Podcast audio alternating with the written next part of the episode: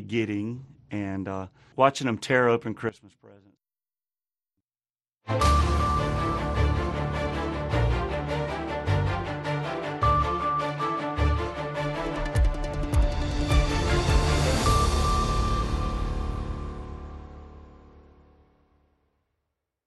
Halkani waa washington laanta afka soomaaliga ee v o a oo aad ka dhageysanaysaan mawjadaha gaagaaban efmiyada geeska africa iyo caalamkao dhan oo aad nagala socotaan barta v o a somaly com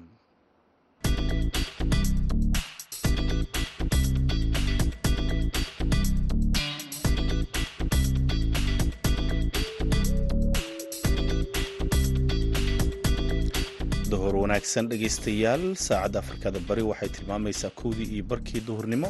Waa maalin jimco ah sagaalka bisha disembar sanadka labakuniyoabayabaatanka idaacadda duhurnimo ee barnaamijka dhallinyarada. Maantana waxaa idinla socodsiinaya anigoo ah cabdulqaadir maxamed samakaab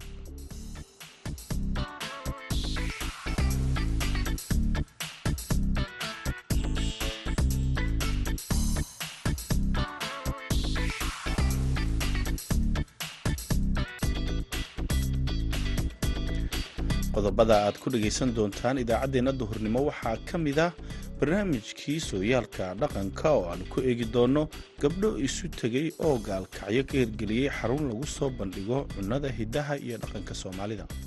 Warno dadku ay arkeen dhiishii iyo fandhaalkii iyo waxyaabihii la isticmaali jiray ay arkeen qudihii iyo fandhaalkii cunnada lagu cuni jiray iyo aad bay noola yaabeen. Oo waxay yidhahaan war waxaan maxaad kala jeedaan? Maxaa ka wadaan waxaa kaloo dhegaysan doontaan wararkii ugu dambeeyey ee ciyaaraha ee koobka adduunka oo galay wareegii sideed dhammaadka.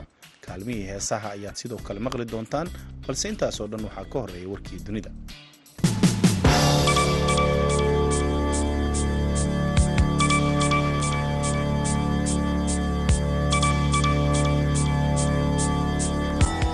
taliyihii nabad sugidda iyo sirdoonka dowladda soomaaliya ee gobolka gedo cabdiraxmaan cabdulaahi bakaal kooke ayaa lagu dilay qarax xalay ka dhacay degmada luuq isagoo ku sii jeeday degmada doolow waxaana mas'uuliyadda qaraxa sheegatay maleeshiyada al-shabaab. Ciidamada dowladda federaalk iyo kuwa maamul goboleedka jubbaland ayaa maalmihii u dambeeyey ku jiray diyaargarow dagaal oo ka dhan ah kooxda al-shabaab kaas oo uu qeyb ka ahaa taliya bakaal kooke wasiirka amniga jubbaland yuusuf xuseen dhuumaal oo v o a la hadlay ayaa sheegay inay sameynayaan baaritaano madax bannaan oo la xiriira dilka taliyaha nisa isagoo ka tacsiyeeyey geeradiisa. Dhinaca kale qoraal ku soo baxay barta rasmiga ee twitter-ka ee hedda nisa ayaa lagu sheegay in taliyaha hay'adda sirdoonka soomaaliya mahad salaad uu amray baaritaan dhab ah oo ku saabsan kiiska dilka taliya bakaal kooke dowladda taalibaan ee afghanistan ayaa khamiistii si kulul uga soo horjeesatay qayladhaan caalami ah oo ku saabsan dhaqangelintii ugu horreysay ee xukun dil ah iyo ku dhaqanka shareecada islaamka waxayna ku tilmaantay canaan iyo faragelin liddi ku ah arrimaha gudaha ee dalkeeda afhayeenka afghanistan dabiixullaahi mujaahid ayaa bayaan uu soo saaray ku sheegay in dhaleecayntan ay tahay nasiib darro faham la'aan iyo cilmi baaris la'aanta islaamka iyo afghanistan. Waxaana uu sheegay in in ka badan sagaashan iyo sagaal boqolkiiba dadka afghanistan ay yihiin muslimiin. Wuxuu intaa ku daray in wax badan loo horay sidii shareecada islaamka dalkooda loogu hergelin lahaa arbacadii taalibaan ayaa fulisay xukunkii ugu horreeyey oo dil ah oo ka dhacay meel fagaaro ah tan iyo markii ay la wareegeen awoodda sannadkii hore iyagoo dilay nin dil lagu xukumay taasoo dhalisay carada difaacayaasha xuquuqda aadanaha ee caalamka. Maraykanka ayaa dilkan ku tilmaamay mid cambaarayn mudan xukunka dilka ayaa waxa uu ka dhacay garoon ciyaaraha lagu ciyaaro oo ku yaalla galbeedka gobolka farax halkaas oo madaxda ugu sarreysa taalibaan ay ka mid ahaayeen boqolaal dadweyne oo u daawasho tegay saraakiisha ayaa sheegay in xukunka uu fuliyey aabbaha dhalay dhibanaha oo ahaa mid waafaqsan qisaas sharciga islaamka oo dhigaya in qofka loo ciqaabo si la mid a sidii uu dhibanaha u dilay. Dhegeystayaal warkeennii dunidana waa naga intaa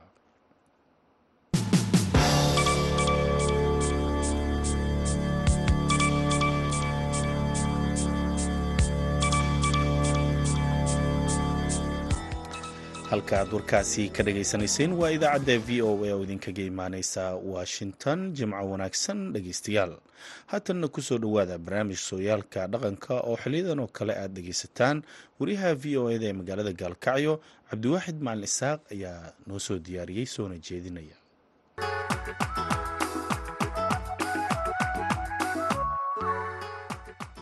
kulanti wacan dhegaystayaal ku soo dhowaada barnaamijka sooyaalka dhaqanka oo toddobaadkan idinkaga imaanaya magaalada gaalkacyo ee xarunta gobolka mudug.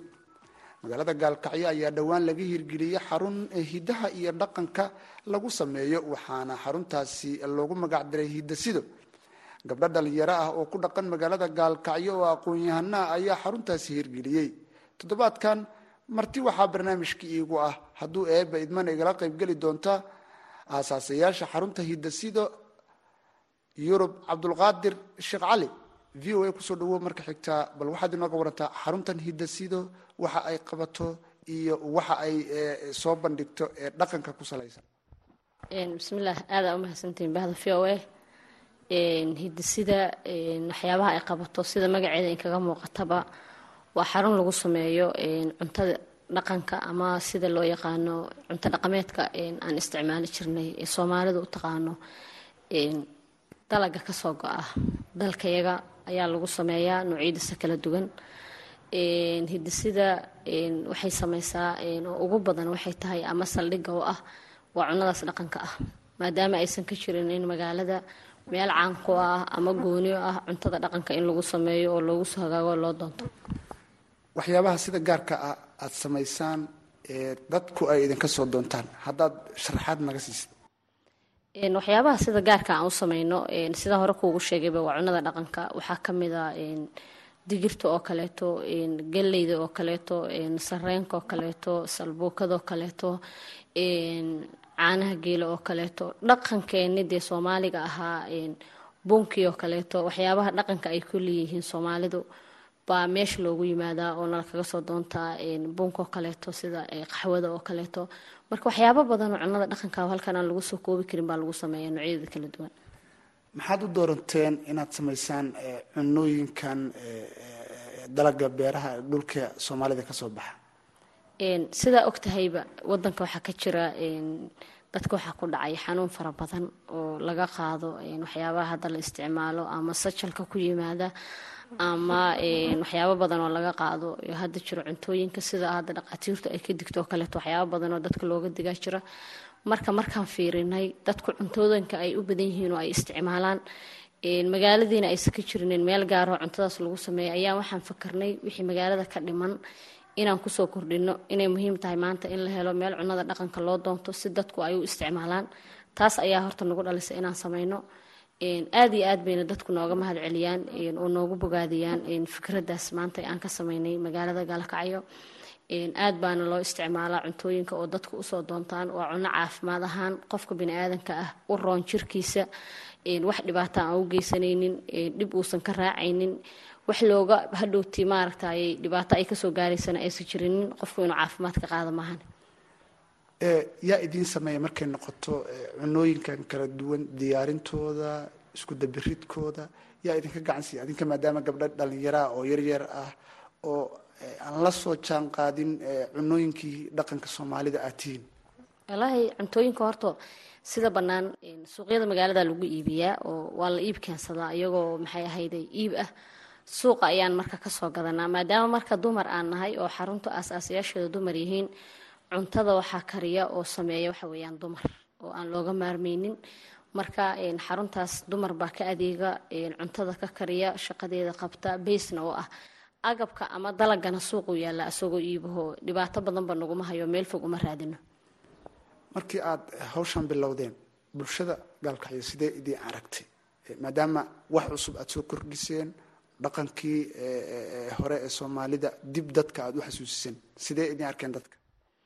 Su'aalo badanoo waxaa jirtay markaan furaynay la isweydiinayay oo lalahaa meeshaan maxaa lagu sameyn doonaa weli maanan arag meel cunno gaara dhaqan oo hadda markay boorka hore oo kale arkaan ama sawirada ku sawiranoo dadku ay arkeen dhiishii iyo fandhaalkii iyo waxyaabihii la isticmaali jira ay arkeen qudihii iyo fandhaalkii cunada lagu cuni jiray iyo aad bay noola yaabeen. Oo waxay yidhahan war waxaan maxaad kala jeedaan? Maxaa ka wadaan? Marka markii ay arkeen oo daahfur baan u sameynay dadka magaalado dhan aanu iskugu yeernay dhalinyaradu ay ka soo qeyb galeen. Markii la arkay cuntada meeshaan lagu sameynayo waxyaabaha beyska u ah ama aan sharxnayna koley inta aadka u danaynaysay muhiimad gaarahay u lahayd ama inta wax baratay ama inta wax fahansan.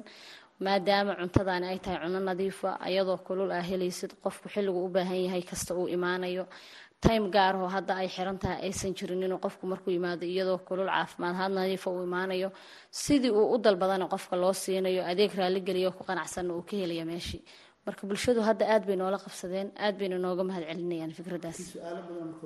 Su'aalo badanaa nalaka weydiinaya markii sawirka la arkay kow aan furaynay meesha ayaa waxaa laa meeshaan maxaa laga sameynayaa markii dadku marka iridoo kale marayaan way noo soo galaan waxay yidhahan maxaad ka sameynaysaan meeshaan? Waa maxay rarooyinkan iyo waxaan aad dhisaysaan maxaad kala jeedaan sawirka banaanka aad ku sawirteen oo dhiishaan iyo waxaan iyo caanahan iyo maxay tahay? Marka muddaa waxaa nalaka weydiinaya adiga ilaa fifteen days meelahaas su'aalo badan oo nagu soo laalaaben ilaa meeshaan maxay ka sameyn doonaan dumarkaani meesha degani marka alxamdulilah maanta waa ka soo gudubnay dadkeena way mahadiyeen annaguna waa mahadina maxaad u doorateen marka markay noqoto inaad cunooyinkan gaarka a samaysaan keliya maxaad u doorateen?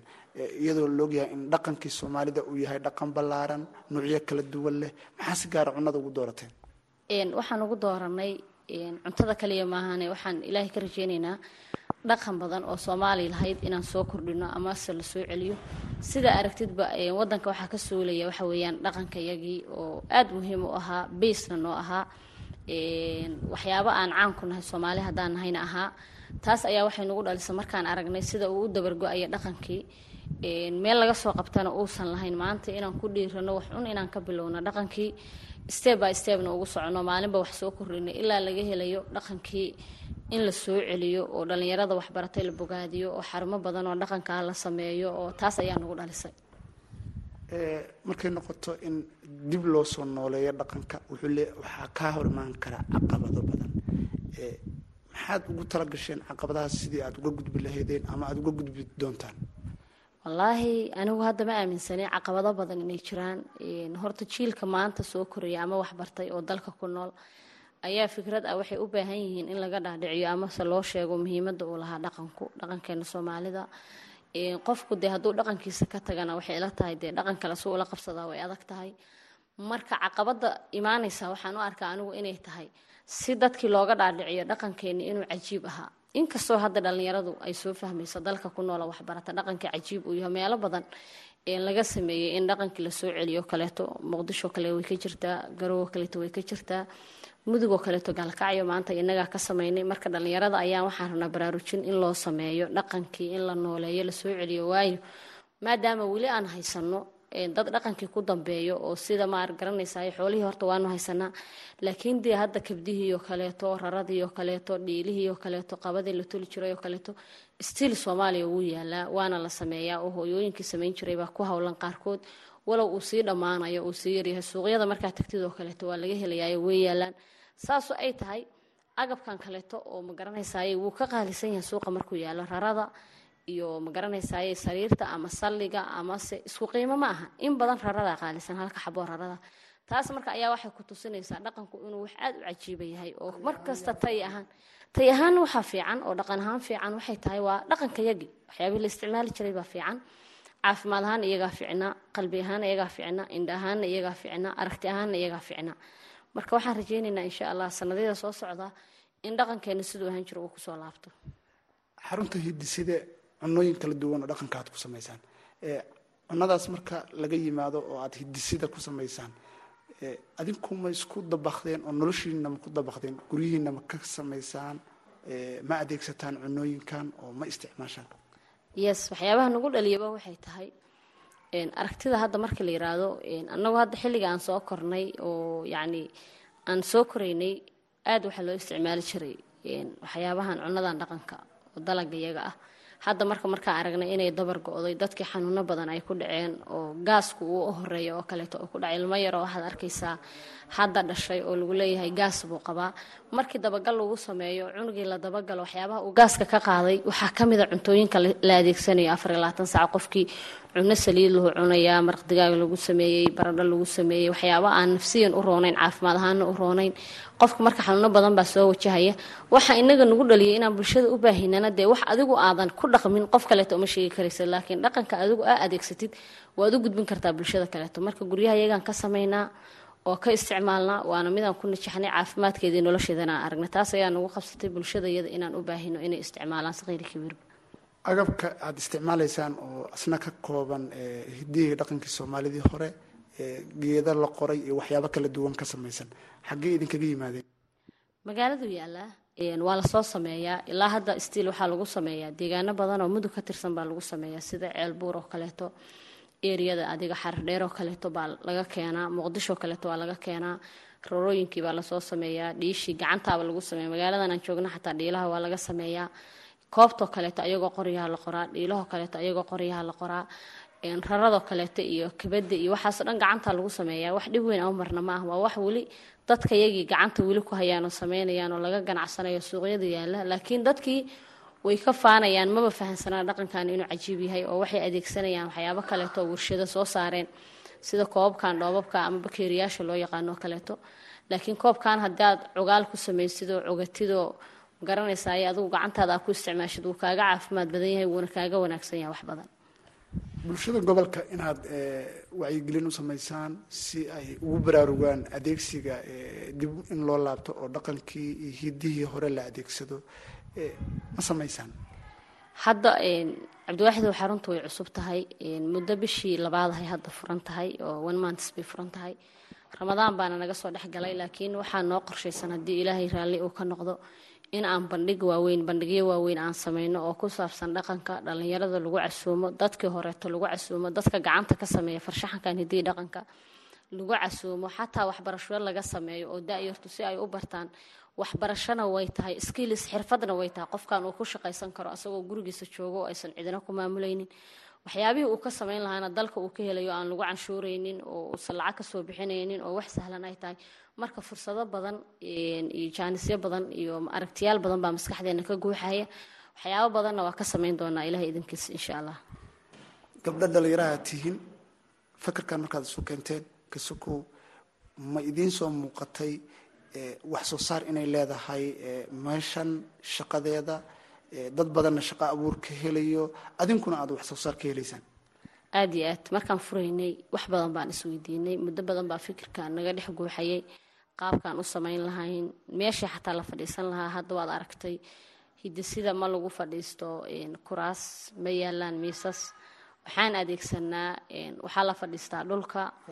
Falkadii baa lagu fadhiistaa salliga cawdaha baa yaalla dadka qaar waxay ku fadhiistaan fadhiyo yaryar oo loo aqoon jiray qaaciga ama lacda loo yaqaanay bay salka saartaan oo ku fadhiistaan qofku markuu cunada cunoo kaleeto dhinac buu iskugu tuurayaa raradaasoo kaleeto. Salka caag ka dilaya iyo kursi ka dilaya midna ma isticmaalo. Isagoo relaxi dareemayo fooxiisa iska shitayo bunkiisa ma garanaysayay cambuuladiisa ku cunay hadduu rabo caanihiisa isticmaalo. Sheex lagu siiyo koob culan iyo caano dhiil culan laga shubay isticmaalay buu gurigiisa aadaa. Qofku aada nafis u dareemaya marka in muddaaba waxaan isweydiinaynay haddii aad samaysaan xaruntan seebay ku socon doontaa iyadu seebay u ekaan doontaa. Markaan unkaynay oo sameynaynay maxaad ka samayn doontaan? Ma guryaad ka dhistaan? Haddana ma suuro gelayso taas ayaa waxay keentay qaybo dhaqankayaga ka mid a inaan ka soo muujino oo ka samayno oo rarooyinkii iyo falkohii iyo saliyadii cawdahaa iyo waxyaabo badan inaan u adeegsano. Agabka wax lagu cunana waa aragto hidiya dhaqan buu ka samaysan yahay xaarimadii oo kale yaalla waxaa yaalla koobtiyo qoriyahoo la culay oo maarata ay ka samaysan dhaqankayagii waxaa yaalla cawdii waxaa yaalla fandhaalkii waxaa yaalla yacni ani kasto wax kastoo meeshaas yaalla agabka wax loogu cunaa waxay ka samaysan yihiin hidiya dhaqankii. Marka go'aan ah waxaan qaadanay horta bal awalan inaan tijaabino. Haddana magaaladoo kaleeto markaad fiirisid cuntooyinka rag baa sameeya maqaaxiyahoo kaleeto waxaan kaloo uga duganahay inay dumar sameeyaan. Cuntadana dumarku bays ay u yihiin inay sameeyaan oo aada loogu dhiirado inaan sameyno oo tijaabino oo tajribo ka qaadno sida bulshada uga falceliso aad iyo aad baan uga mahad celinaynaa dhalinyaro badan ama asxaab badan ama ummad badan ayaa aada noogu taageertay aada nooga mahad celisay nagu dhiirogelisay nagu xirantay customar gaarahay leedahay oo aada u badan oo aada ugu xiran meesha oo cuntooyinkooda loo diyaariyo ku xisaabtamo oo yimaada waqti badanna ku qaata muddo badan iyo saacado badanna jooga ayagana aad iyo aad baan ugu mahad intii fikradaasna la qaaday markaan u bandhignay naga taageertay waxyaabo badan oo dhiirigelina noo sameysay nagana gacan siisay. Cunnada magaalada qiimaheeda iyo midiina maxaa farqiga u dhexeeya? Wallaahi cunnada magaalada qiimo aada u badan baa la gadaa laakiin innaga markaan furaynay aada dhaqaalo badan ka raadisaan umaana sameyn laakiin atlisti dadku dhaqankii ha bartaan cuntadaana horta ha la barto cunitaankeedu ha la soo celiyay naga ahayd. Laakiin qofku markuu magaalada uga cashayn lahaa shan doolar lix doolar oo kaleeto hidasida waxaa laga yaabaa qiimaha ugu badan oo ugu casheeya hadduu cunto kasta xataa isticmaalo oo caanaheeda wadata saddex doolar saddex doolar barbuu isticmaalaa. Wadanka shaqala-aan baahsan baa ka jirta abaar baa ka jirta. Marka dadku kama bixi karayaan inay cunto qaaliya isticmaalaan mana mana goyn karayaan markii loo fiiriyo. Marka way ka jaban tahay oo aad bay jiib u tahay marka la fiiriyo. Nacfi ahaanna way ka caafimaad badan tahay wayna ma garanaysaa ayay ka wanaagsan tahay aad baana uga mahad celinaynaa dadka ku xiran hidasida kostomarkeeda ah yimaada iyo inta naga gacan siisa intaba. Gabagabadii barnaamijka sooyaalka dhaqankaan soo gaarna yurub xaruntan waa markii ugu horreysay oo magaalada gaalkacyo laga hirgeliyo dad badanaa sidaa aad ii sheegtay ka faa'iidaystay. Maxay tahay fariinta aada u diraysid bulshada si dhaqankii dib loogu nooleeyo dhaqankii soomaalida dib loogu soo celiyo fariinta ugu dambeyso aan u dirayaa ummadda soomaaliyeed waxay tahay dal iyo dibad meel kastoo ay ku nool yihiin.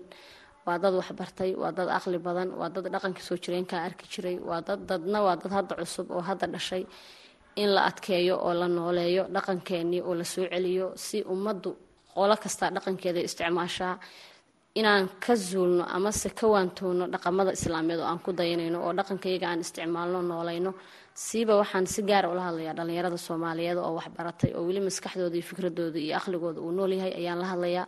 Fariinta ugu dambeyso aan dirayaa waxay tahay ballanteenu waa soo celinta dhaqanka soomaaliyeed aad bay u mahadsan tahay taasi waxay ahayd yurub cabdulqaadir shii cali oo toddobaadkan marti iigu ahayd barnaamijka sooyaalka dhaqanka oo idinkaga imaanaya magaalada gaalkacyo ee xarunta gobolka mudug. Anigoo cabdiwaaxid ayaa barnaamijka idinla socodsiinayay. Sidaa iyo nabadgelyo.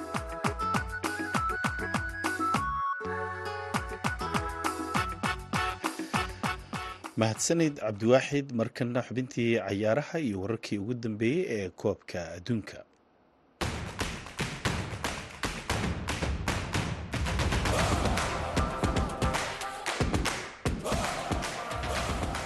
dalka qatar ayaa maanta waxaa mar kale ka bilaabanaya wareegga rubucdhammaadka ama kuwaterfinalka koobka adduunka kadib markii toddobaadkan uu soo dhammaaday wareegga lix iyo tobanka. Laba ciyaarood ayaa maanta dhici doonta oo kuwaterfinalka ah waxaana ka mid a ciyaarta u dhexaysa xulalka kroweshiya iyo brazil kulankan oo ah mid adag ayaa haddana xulka brazil waxa uu ka mid yahay kuwa loo saadaalinayo in sanadkan ay ku guulaysan karaan maadaama ciyaartooy tayale ay wataan. Inkastoo xulka kroweshiya aysan dabyar shidayn maadaama ay yihiin kuwii ciyaaray fiinaalkii koobka adduunka ee laba kun siddeed iyo tobankii haddaba kulanka brazil iyo kroweshiya maxaa laga fili karaa muxuuse kaga duwan yahay kulamadii horey aan u arki jirnay ee wareegga sidan oo kale ayaa weydiiyey rijaal xasan axmed oo ka faalooda ciyaaraha kuna sugan dalka kenya. Mar walba isqabtaan wuxuu guusha qacdaa brazil. Marka kulankan waxaa ka filan karnaa in waddanka brazil uu si fudud ku tegi doono afar dhammaadka waa gartay. Marka brazil waxay ku jirtay kuwa sida xoog gale loogu saadaalinayo. Maxaa gaar ah oo ka muuqda brazil sanadkan? Brazil waxay aad horta uga xoogan tahay dhanka weerarka ayay aad uga xoogan tahay. Sidoo kale difaaceeda marka la fiiriyo ayada oo haysato afar iyo shan fiican. Duwahan lambarka duwaha ama garabka midig waxay dheelsiisatay militao real madrid dheelo afartaasuu taagan iyo tareega oo ah sandro ayay waxay sii heshaa boortii liverpool oo goolkiibar fiicana. Sidoo kale afartaas shantaas noo taagan.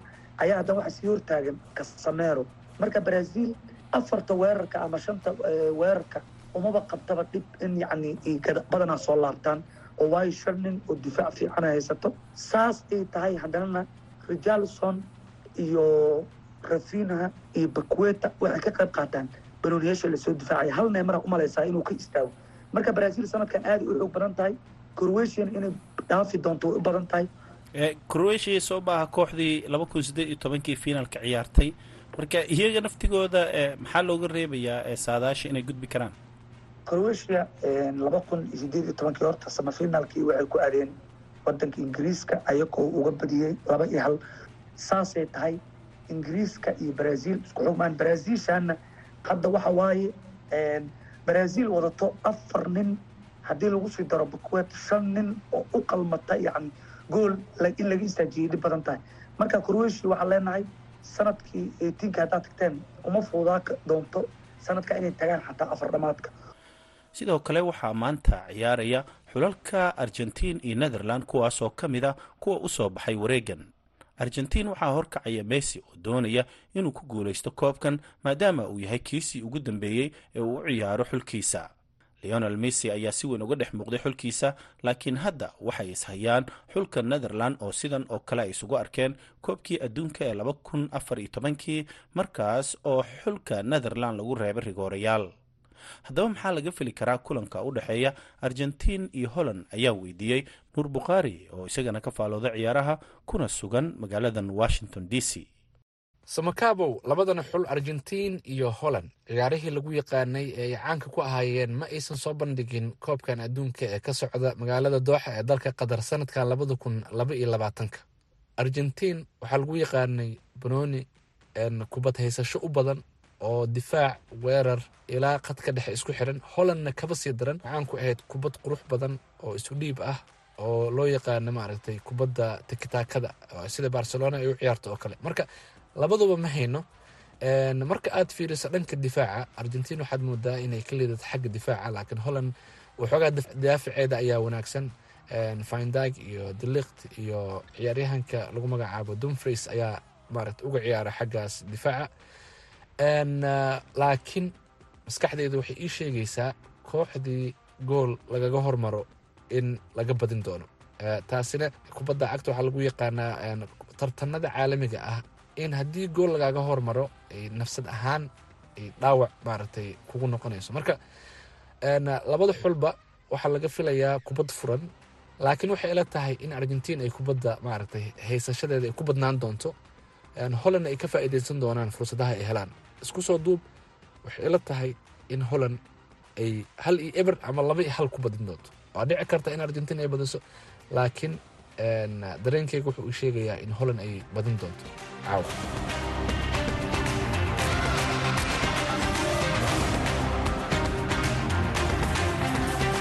Markana dhegaystayaal waxaad ku soo dhowaataan kaalmihii heesaha